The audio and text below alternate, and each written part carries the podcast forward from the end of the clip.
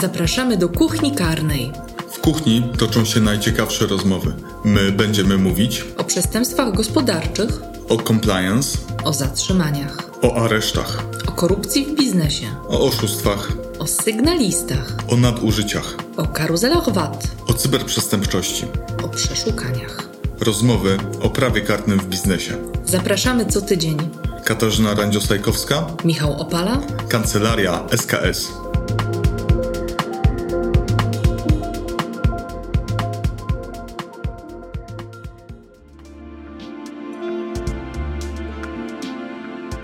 Dzień dobry Państwu. Przed Państwem kolejny odcinek Kuchni Karnej. Dzisiaj, oprócz mojego stałego współtowarzysza i twórcy programu, Michała Opali. Cześć Michale. Dzień dobry Kasiu, dzień dobry Państwu. Mamy kolejnego gościa, adwokat Olga Legat z naszego zespołu e, ochrony danych osobowych w Kancelarii Sołtysiński-Kawecki-Szlęzak. I słyszę niemalże Państwa wahanie, czy słuchać dalej tego odcinka, bo pojawia się ochrona danych osobowych i RODO, ale zapewniam, wbrew pozorom, ten odcinek nie będzie nudny, będzie bardzo przestępczy i będzie bardzo wiele ciekawych przykładów o tym, jak RODO nie tylko w drogerii ingeruje w nasze życie. Olga, to teraz musisz powiedzieć, jak RODO ingeruje w nasze życie w drogerii. Mo- w moje w drogerii nie. Nie wiecie jak? Poza zgodą marketingową, ale to mojej- nie RODO. w moje ingeruję, bo jak tylko chcę dostać jakiś towar, którego akurat nie ma i mówię, to proszę do mnie zadzwonić, jak już będzie, to pani mówi, ale nie mogę wziąć pod pani numeru telefonu, bo RODO. Ach, rozumiem. E, myślałam, że to już się nie zdarza od e, czasów tam połowy 2018 roku i tych e, sytuacji, w których mm, nie można było dodzwonić się do szpitala i czegokolwiek się dowiedzieć, że to jakby już nie występuje. Mm. Ingeruje RODO w nasze życie codziennie. E, Codziennie. E, Ja trochę boję się otwierać moją skrzynkę spam, bo jeszcze nie dostałam tam e, powiadomienia o naruszeniu ochrony danych z moim udziałem, ale myślę, że za jakiś czas, jak otworzę spam, to będzie tam dużo takich maili.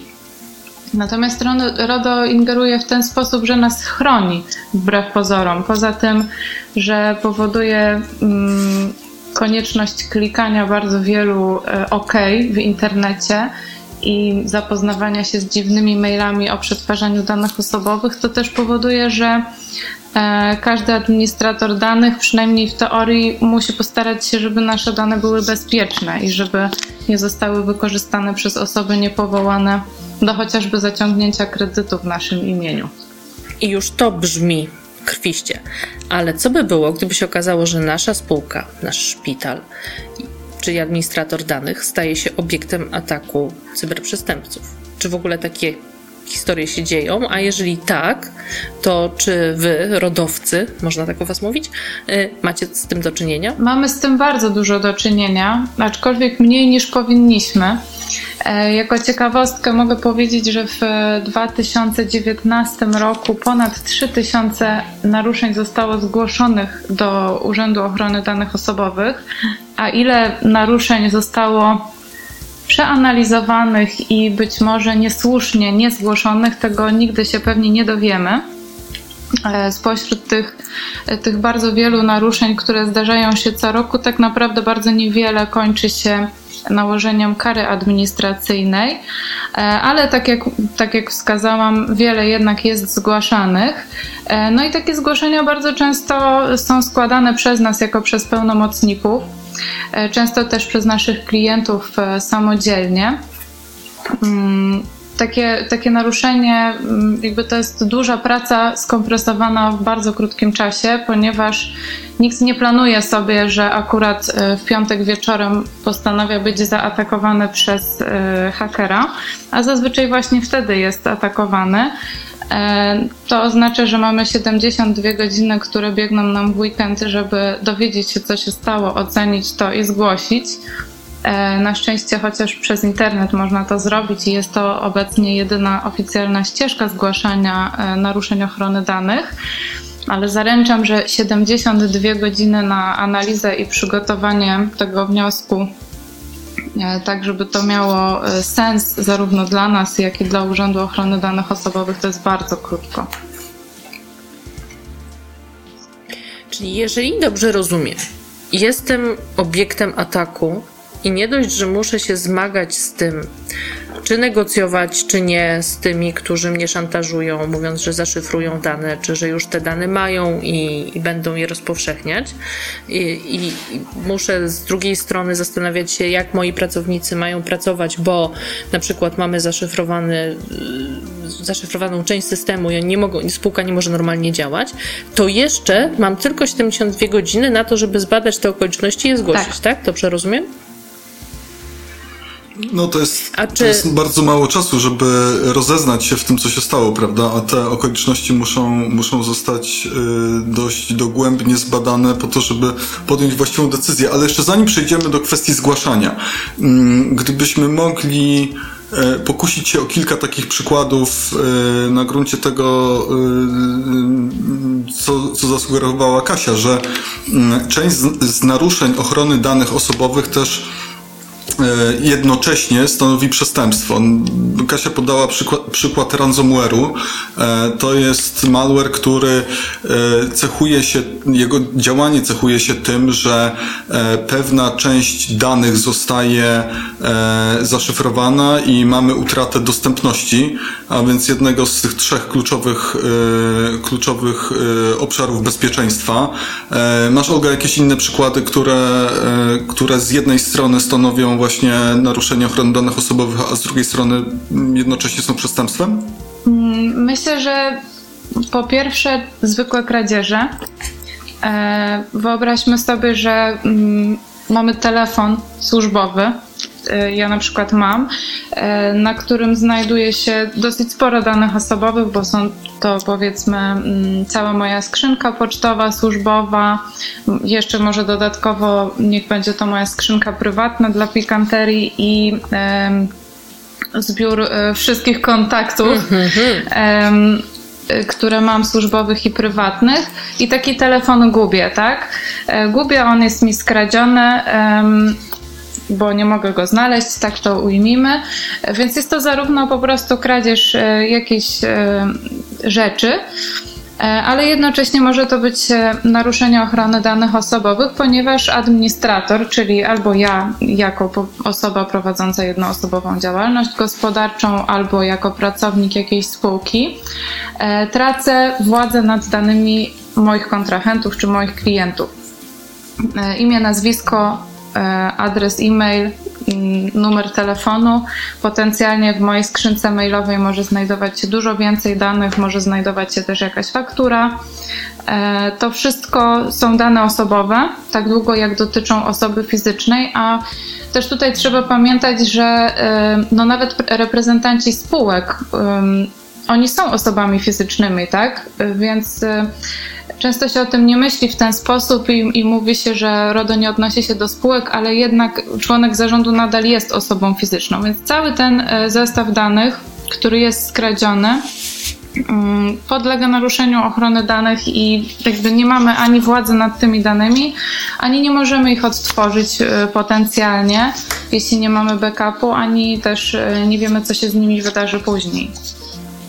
Mhm, czyli kradzież nośnika to raz. Dwa, jak mówiłaś o tym przykładzie, to przyszły y, mi do głowy historie, z którymi się mierzymy y, w jakiś tam sposób, raczej nasi klienci, związane z y, zjawiskiem invoice fraudu, czyli podrabiania faktur albo y, podszywania się pod, pod kontrahenta i przesyłania do firmy informacji o zmianie rachunku bankowego. W takim układzie przestępcy wykorzystują informacje o tym, że jakieś dwie firmy współpracują i starają się skłonić ofiarę e, do tego, aby zapłaciła na rachunek bankowy kontrolowany przez przestępców, a nie na właściwy rachunek bankowy mm, kontrahenta. Bardzo często w tego typu atakach mamy do czynienia z sytuacją, kiedy pierwszym krokiem do tego oszustwa jest kradzież skrzynki mailowej osoby, pod którą później przestępcy się będą podszywać i będą wykorzystywać dane zgromadzone w skrzynce mailowej właśnie takiej osoby po to, żeby e, pozyskać informacje o tym, z kim dana osoba współpracuje, jak wygląda faktura i podrobić czasem e, te właśnie dane identyfikujące osobę, która standardowo kontaktuje się z kontrahentem w sprawie płatności faktur.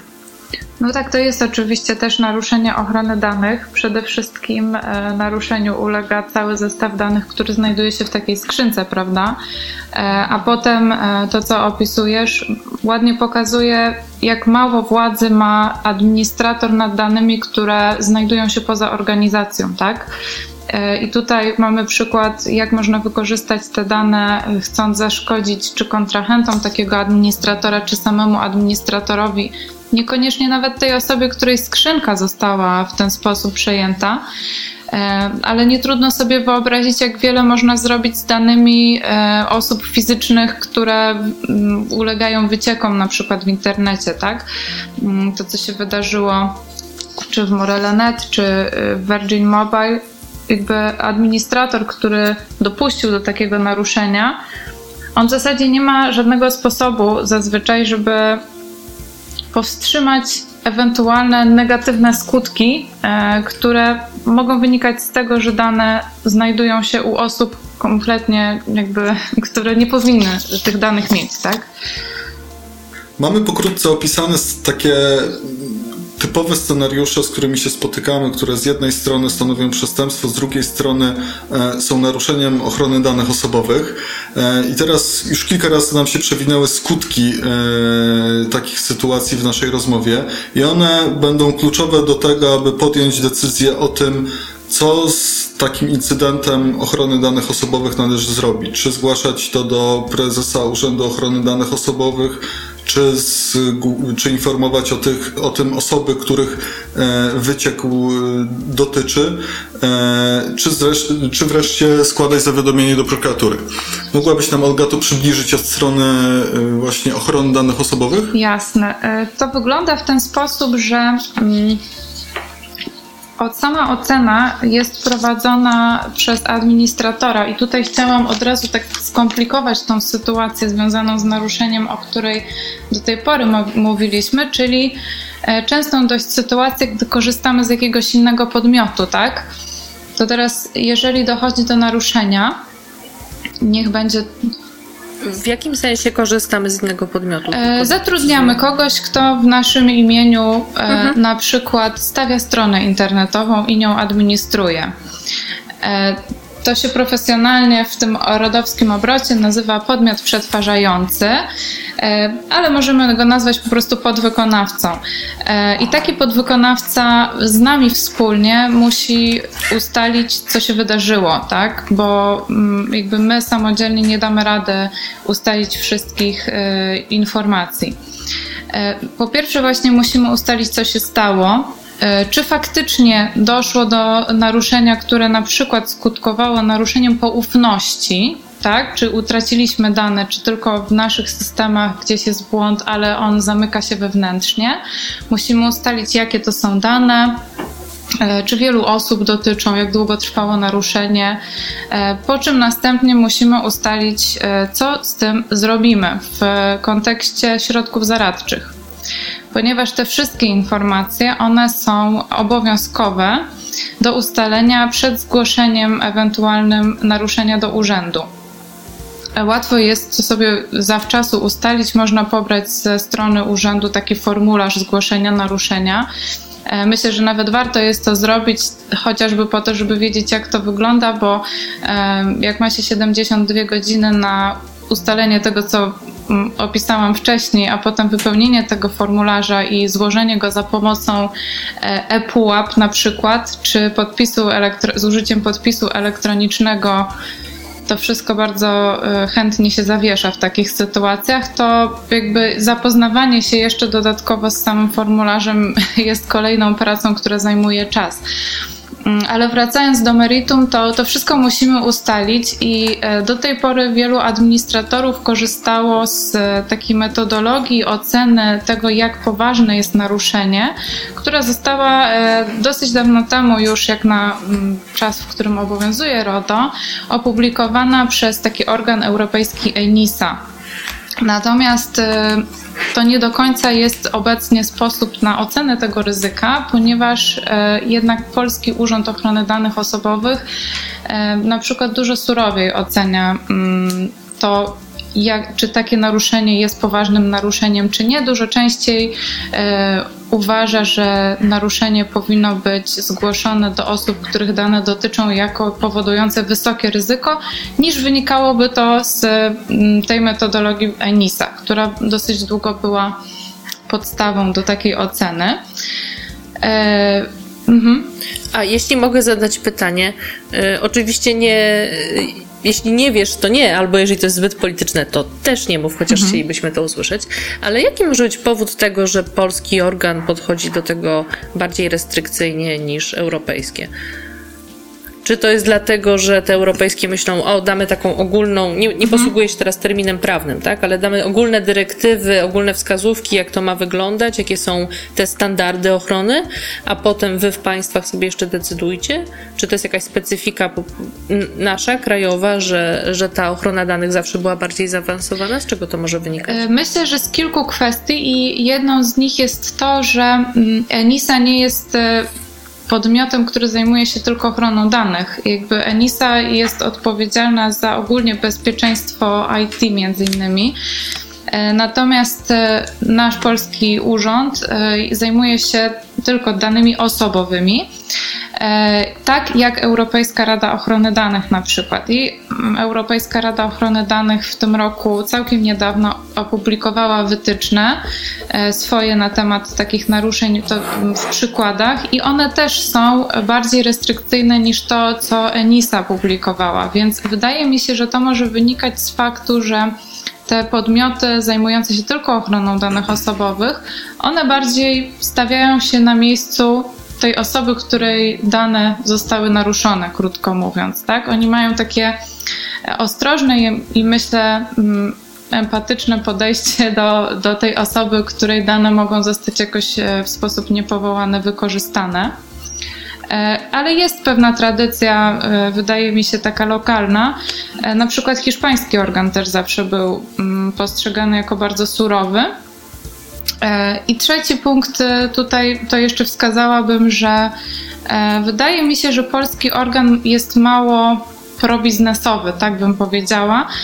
Jak e, śledziłam to, w jaki sposób brytyjski organ, jak jeszcze był organem unijnym, reagował na różne naruszenia i co publikował e, przed nałożeniem na przykład kary, to dla mnie było oczywiste, że istnieje bardzo duża różnica kulturowa mm, pomiędzy Wielką Brytanią a Polską.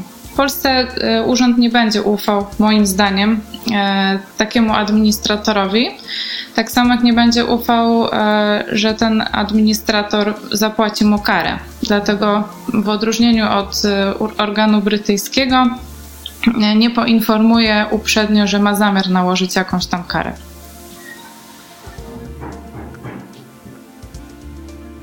Hmm. To, a to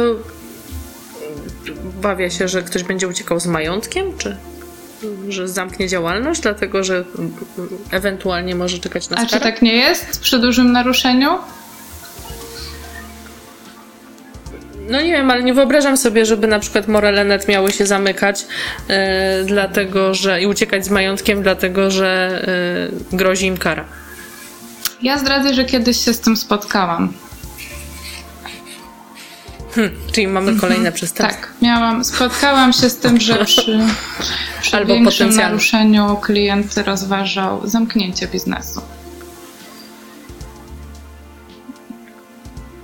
No dobrze, ale przepraszam, bo moim pytaniem tutaj o tajniki europejsko-krajowe wybiłam ci trochę z tropu, a, a rozmawialiśmy właśnie o tym, y, jakie jest podejście i, i co z niego wynika, jakimi zasadami się kierować przy ocenie naruszenia. To jeśli mogę, y, zasygnalizowałaś nam, y, Olga, nowe wytyczne. Ja przejrzałem te, te wytyczne i, i, i bo mnie interesują, ale e, też pod kątem tego przede wszystkim w jaki sposób zarządzać incydentem, kiedy on się pojawi. I e, to podejście, które zostało w tym nowym dokumencie, on jest projektem wciąż, prawda? Jest jeszcze w, w, fazie, w fazie konsultacji. To podejście jest bardzo fajne, bo ono odwołuje się do przykładów i to takich przykładów, które już nawet na naszym podwórku możemy sobie znaleźć analogiczne sytuacje, e, które miały, miały miejsce i w taki bardzo syntetyczny sposób zostało tutaj opisane, e, jakie możemy mieć scenariusze e, różnych stanów faktycznych, w jaki sposób należy oceniać te konkretne przy, przypadki. Mamy w zasadzie taką checklistę do, do przeprowadzenia, czy w przypadku ransomware'u mieliśmy do czynienia tylko z zaszyfrowaniem danych, które były zaszyfrowane, e, czy mieliśmy do czynienia z eksfiltracją tych danych poza naszą infrastrukturę, to, to, to wydaje się być bardzo takie konkretne i przydatne e, w praktyce podejście, prawda? Tak, jest e, bardzo przydatne, aczkolwiek jak na przykład mm, śledziłam teraz te przykłady przed naszą rozmową, to mm, zarówno Europejska Rada Ochrony Danych, wcześniej Grupa Robocza artykułu 29, e, one mm, pokazują przykłady skrajne, tak? I na przykład e, w przypadku ransomware'u to te przykłady niby są e, różnicowane, tak? Ale zawsze jak w końcu stajemy twarzą w twarz z naruszeniem, to nasz przykład troszeczkę się różni i mm, mhm. nie da się wprost przekładać tych e, wytycznych na sytuację taką, krótko mówiąc, życiową, bo na przykład e, Erod powie, że zostały zaszyfrowane i nie można ich było odczytać. E, drugi przykład poda taki, że można je było odczytać, ale nie było tam danych wrażliwych, a my na przykład znajdziemy się pomiędzy tymi dwiema, dwiema sytuacjami. To jest bardzo częste, przynajmniej w moim odczuciu. Także warto jest y, to śledzić. Y, ogromnie przydatne jest to, że e, Erod podał listy przykładowych i zalecanych środków bezpieczeństwa. Do tej pory funkcjonowaliśmy mm, bardziej opierając się na brzmieniu samego artykułu 32 RODO, który mówi, że środki bezpieczeństwa muszą być adekwatne do ryzyka. E, no, I tutaj mieści się wszystko. Tak, prawda? tak. Znaczy, to jest e, odzwierciedlenie rodowskiego podejścia opartego na ryzyku, tak? Ryzyko związane z compliance i ryzyko związane z ewentualnym naruszeniem jest w całości po stronie administratora. E, I te wytyczne nie zmieniają tego, oczywiście, ale są niezwykle pomocne. Jest jeszcze taki ciekawy wątek tutaj, jeśli chodzi właśnie o to podejście oparte na ryzyku i o to, co można znaleźć w dokumentach europejskich, że e, przynajmniej w mojej ocenie, dużo zyskały na, na wadze różnego rodzaju certyfikacje takie prywatne, tak? I normy które oczywiście są płatne, e, ale tak jak pokazuje przykład kary nałożonej na Virgin Mobile, to też nie jest żadna gwarancja. Posiadanie takiego, e, takiej certyfikacji zgodnej z normą ISO też niekoniecznie oznacza, że jesteśmy mhm. całkowicie bezpieczni. No tak, tam sama, sama w tej decyzji jest powiedziane jasno, że sama certyfikacja nas nie będzie chroniła przed karą, bo nie liczy się to, jaki mamy dokument, tylko w jaki sposób rzeczywiście e, dbamy i monitorujemy to bezpieczeństwo naszych danych. E, I tam pojawiają się też bardzo konkretne e, zalecenia co do tego, w jaki sposób reagować na incydent.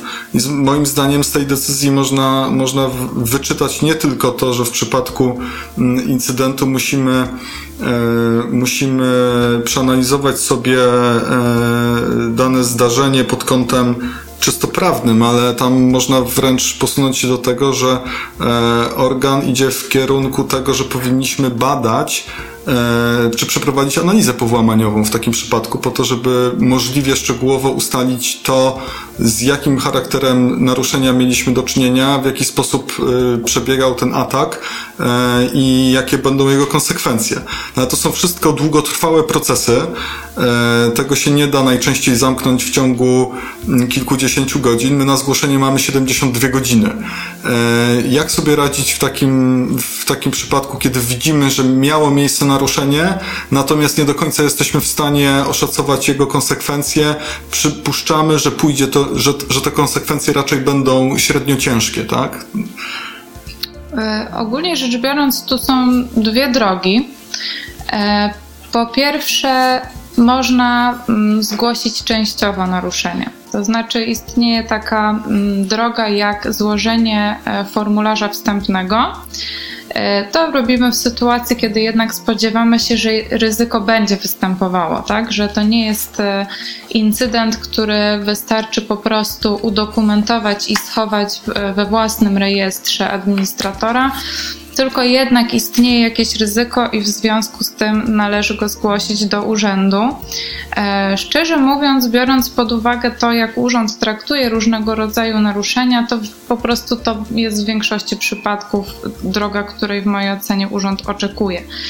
E, bardzo rzadko prawdopodobnie urząd zgodziłby się z tymi, którzy uznali, że naruszenie nie ma żadnego wpływu, mm, nie powoduje żadnego ryzyka.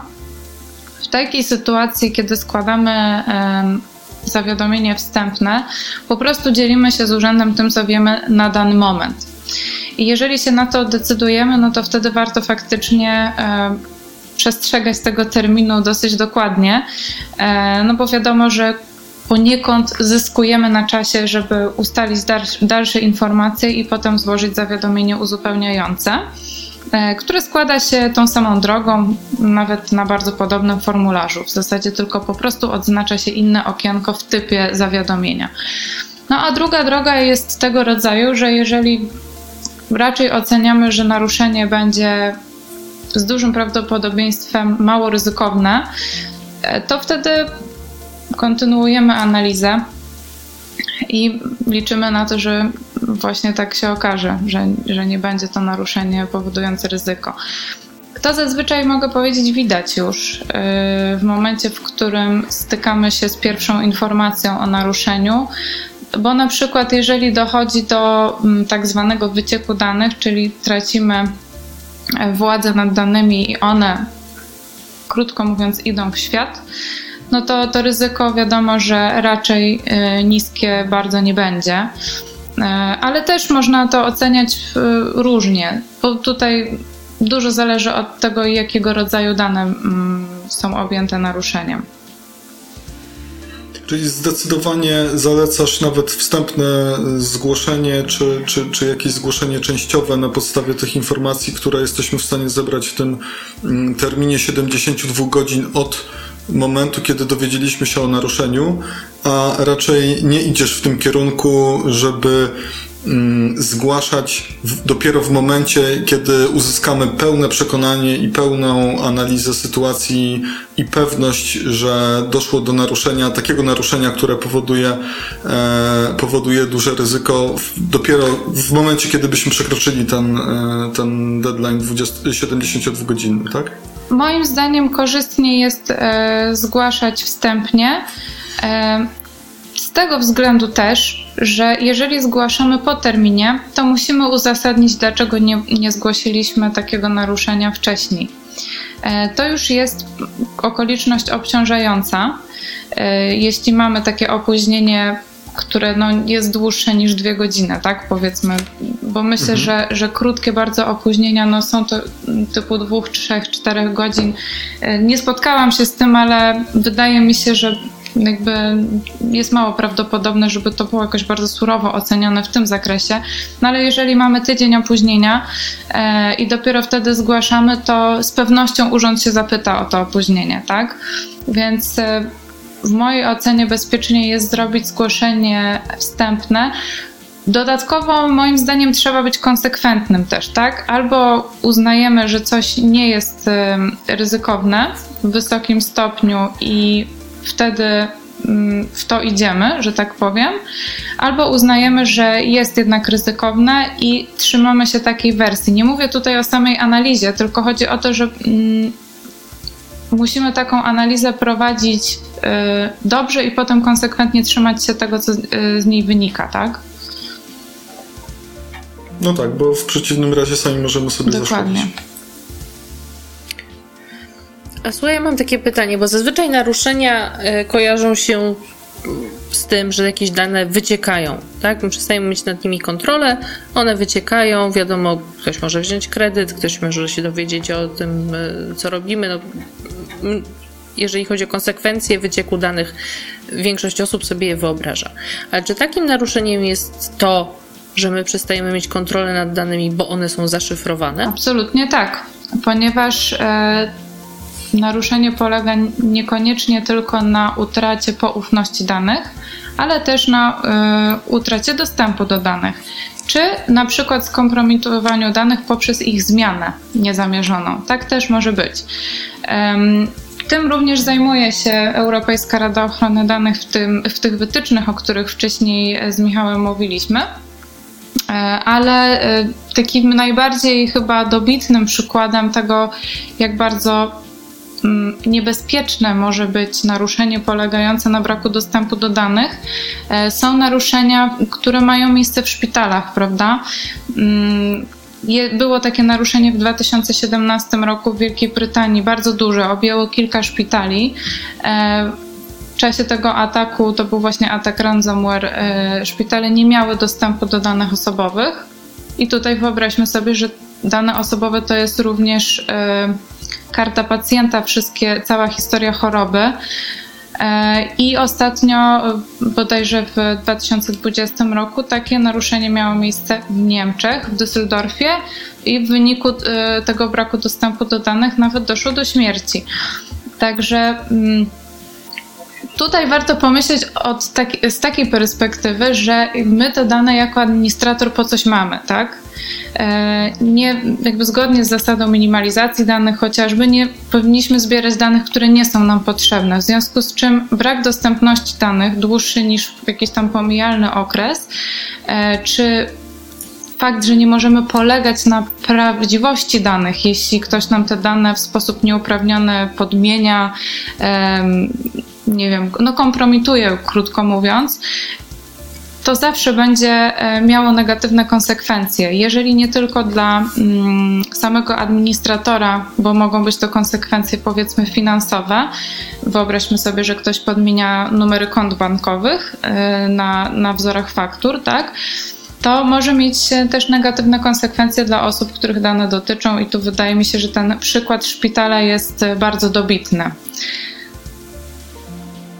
No to, jest, to jest na pewno jaskrawy przykład. E, w tych sytuacjach, gdzie mamy do czynienia z e, naruszeniem ochrony danych osobowych, e, należy, tak jak Olga nam powiedziała, rozważyć potrzebę informowania prezesa Urzędu Ochrony Danych Osobowych, w niektórych przypadkach również osób, których naruszenie dotyczy. No ale mamy też opcję dotyczącą kierowania zawiadomienia do prokuratury, jeżeli są spełnione znamiona przestępstw, czy to przestępstwa z jednego z kodeksu karnego, czy y, jednego z wielu opisanych w kodeksie karnym, czy też e, przestępstw opisanych e, w mm, ustawie o ochronie danych osobowych. E, jak y, się zapatrujecie, drogie koleżanki, na te kwestie? Jest sens zawiadamiać, czy nie? No więc, drogi kolego, odpowiem Ci tak. Zawsze warto rozważyć zawiadomienie i w większości przypadków warto zawiadomić, bo jeżeli jesteśmy pokrzywdzonym, no to sami sobie odbieramy szansę na to, żeby, żeby doszło do złapania, schwytania sprawców, postawienia im zarzutów i, i doprowadzenia do końca postępowania karnego. Jeżeli nie jesteśmy pokrzywdzonym, ale jesteśmy administratorem, któremu nie można przypisać pokrzywdzenia, też warto zawiadomić. W ten sposób spełniamy nasz społeczny obowiązek i y, pozwalamy na to, żeby sprawcy tego typu działań nie pozostawali bezkarni. Natomiast oczywiście zawsze jest y, wątpliwość i pytanie, ale po co zawiadamiać, ale tylko będę musiał chodzić na policję, będę musiał chodzić do prokuratury, a i tak nigdy nikogo nie złapią i to jest bez sensu. E, och, służby mm, organów ścigania nie są efektywne, po co mi to jeszcze dodatkowo, tak? I tak już musiałem dużo tych naruszeń zgłaszać, jeszcze będę chodził na, do prokuratur. Ale to jest złudne, dlatego że jeżeli nie będziemy zawiadamiać, to organy nie będą miały możliwości, nie będą miały tej wiedzy, nie będą działały. E, a e, chociażby wspominany już zresztą przez nas chyba ostatnio w którymś podcaście przykład e, złoczyńców z grupy Emotet, znaczy to nie jest grupa, tak, tylko złoczyńców, którzy obsługiwali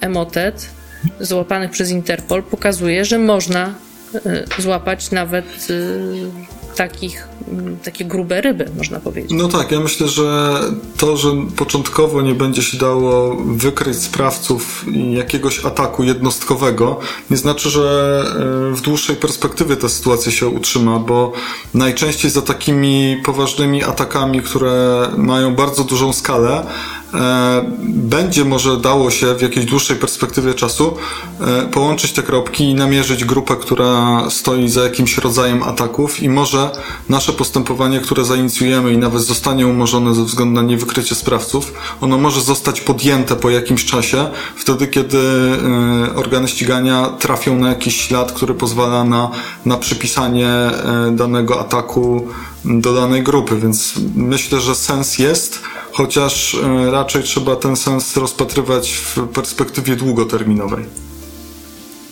No, podobne historie są przecież przy y, grupach wyprowadzających i biorących pieniądze. Tak czasami się okaże, że nie możemy złapać na początku tego, który y, pieniądze od nas wyprowadził albo który przeprał pieniądze, a, a po jakimś czasie okazuje się, że inna prokuratura prowadzi sprawę większej grupy i, i, i nasza pierwotnie umorzona sprawa jest dołączona do, do sprawy większej.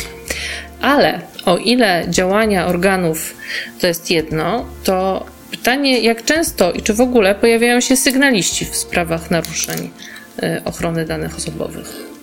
Mm, do tej pory mnie przytrafiło się e, kilka takich sytuacji, natomiast e, nie nazwałabym tych osób sygnalistami w takim znaczeniu, jak e, mówi obecnie prawo pracy bodajże, czy tam ta dziedzina prawa, bo zdarza się y, chyba dość powszechnie, że mm, naruszenie ochrony danych jest zgłaszane przez osobę z zewnątrz. E, czyli ktoś, y, może to być y, jakiś pasjonat e, cyberbezpieczeństwa. Takie osoby też się zdarzają. E, są tacy blogerzy na przykład, którzy e, z pasji się tym zajmują, potem opisują tego rodzaju sytuacje w internecie, ale też odzywają się do administratorów i zgłaszają to. Myślę, że można łatwo to znaleźć wpisując po prostu w Google zapytanie. E, ale e, sama też miałam taką sytuację, że po prostu jedna z osób, których dane uległy wyciekowi, napisała do administratora, e, opisując to, co wykryła, tak? Całkowicie jak my nie mam przypadkowo. I ta osoba, taki sygnalista, może te wszystkie dane sobie zapisać, na przykład, tak? Ponieważ nawet jeżeli ktoś ma dobre intencje, to my jako administrator nie mamy za bardzo możliwości zweryfikować tego, tak? Bo zauważmy, że administrator mm, nie ma środków przymusu wobec osób, które nie są jego pracownikami, mhm. tak? Więc jeżeli e, taki sygnalista e, w cudzysłowie zgłasza nam e, coś, co wykrył, jeszcze do tego na przykład zdeklaruje, że takie dane sobie zapisał, to my nie mamy żadnego dowodu na to, że on w ogóle na naszą prośbę takie dane usunie. Nawet jeżeli odpisze, że takie dane usunął, to na przykład był e, też częsty kazus e, wysyłania maili e, nie do tego odbiorcy, co trzeba. Zdaje się, że towarzystwa ubezpieczeniowe i nie tylko to była warta miały takie sytuacje, one też były zgłaszane do Urzędu Ochrony Danych Osobowych. Cóż w takiej sytuacji w ogóle zrobić, tak? Wysyłam maila z kompletem danych mojego um, klienta e, i zrobię literówkę w adresie mailowym odbiorcy, tak? E, cóż ja właściwie mogę zrobić?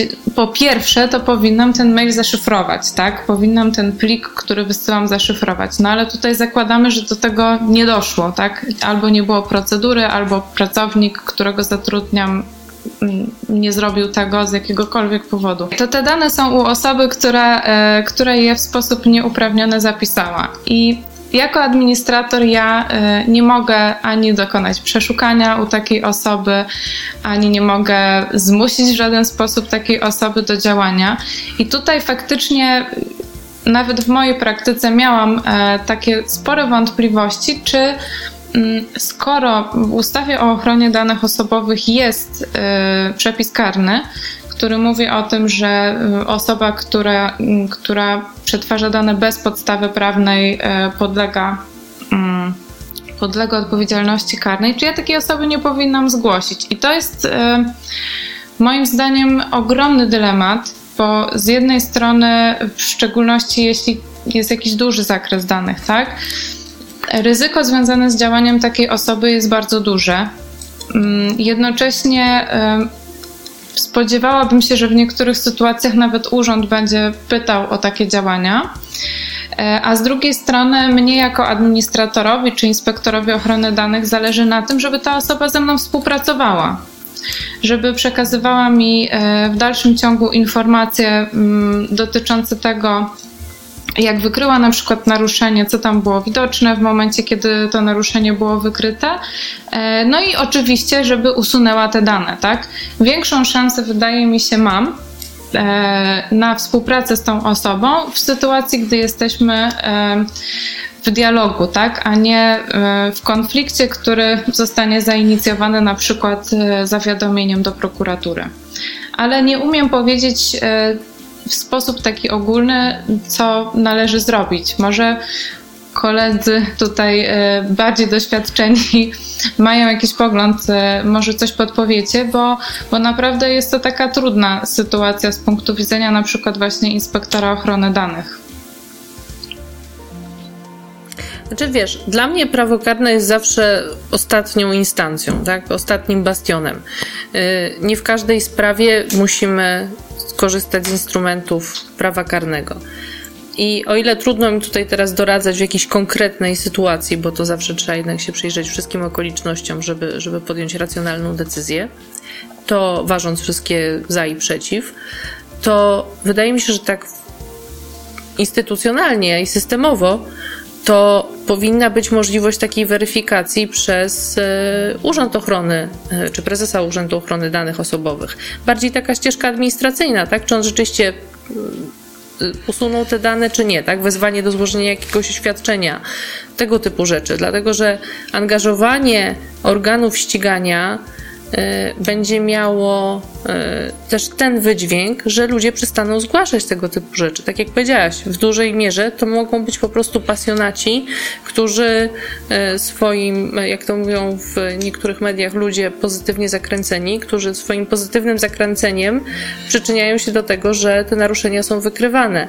I jeżeli takim automatycznym krokiem byłoby zawiadomienie prokuratury, to wydaje się, że y, społeczna chęć do, y, do pilnowania y, bezpieczeństwa danych osobowych na pewno opadnie. No, z jednej strony to jest kwestia tego, czy zgłaszać, czy nie zgłaszać, czy administrator powinien zgłaszać, z drugiej strony, czy, czy w ramach prowadzonego postępowania prezes Urzędu Ochrony Danych Osobowych, jak trafi na taką informację, że jakiś researcher znalazł gdzieś bazę danych, to, to taki prezes Urzędu Ochrony Danych Osobowych on ma ustawowy obowiązek zgłosić y, zawiadomienie do prokuratury o, y, o podejrzeniu popełnienia przestępstwa, jeżeli zidentyfikuje taką sytuację.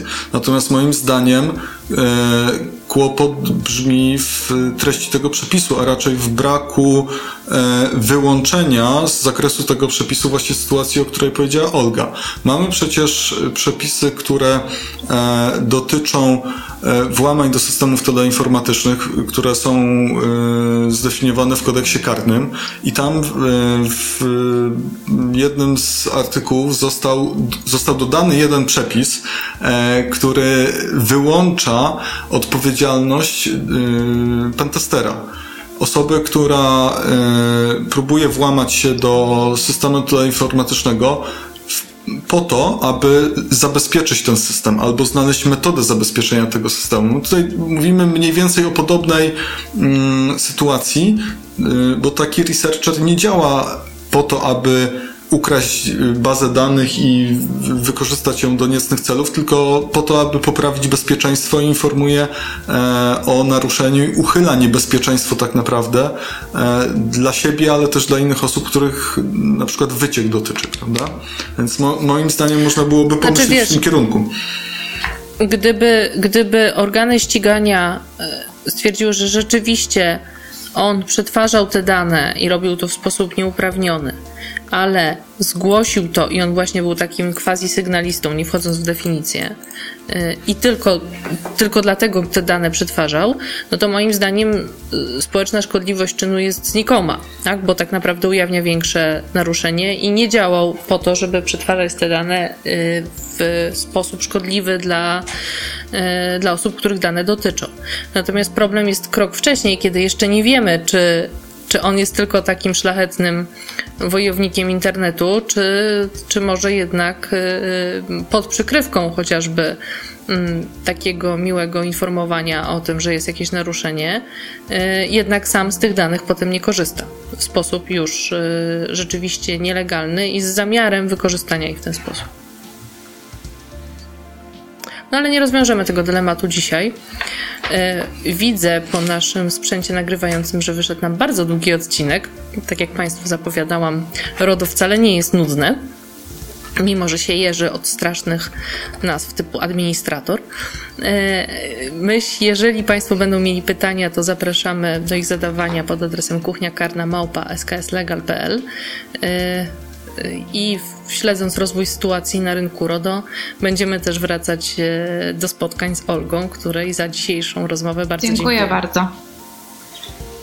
Wielkie dzięki. Do usłyszenia. Do usłyszenia. Do usłyszenia.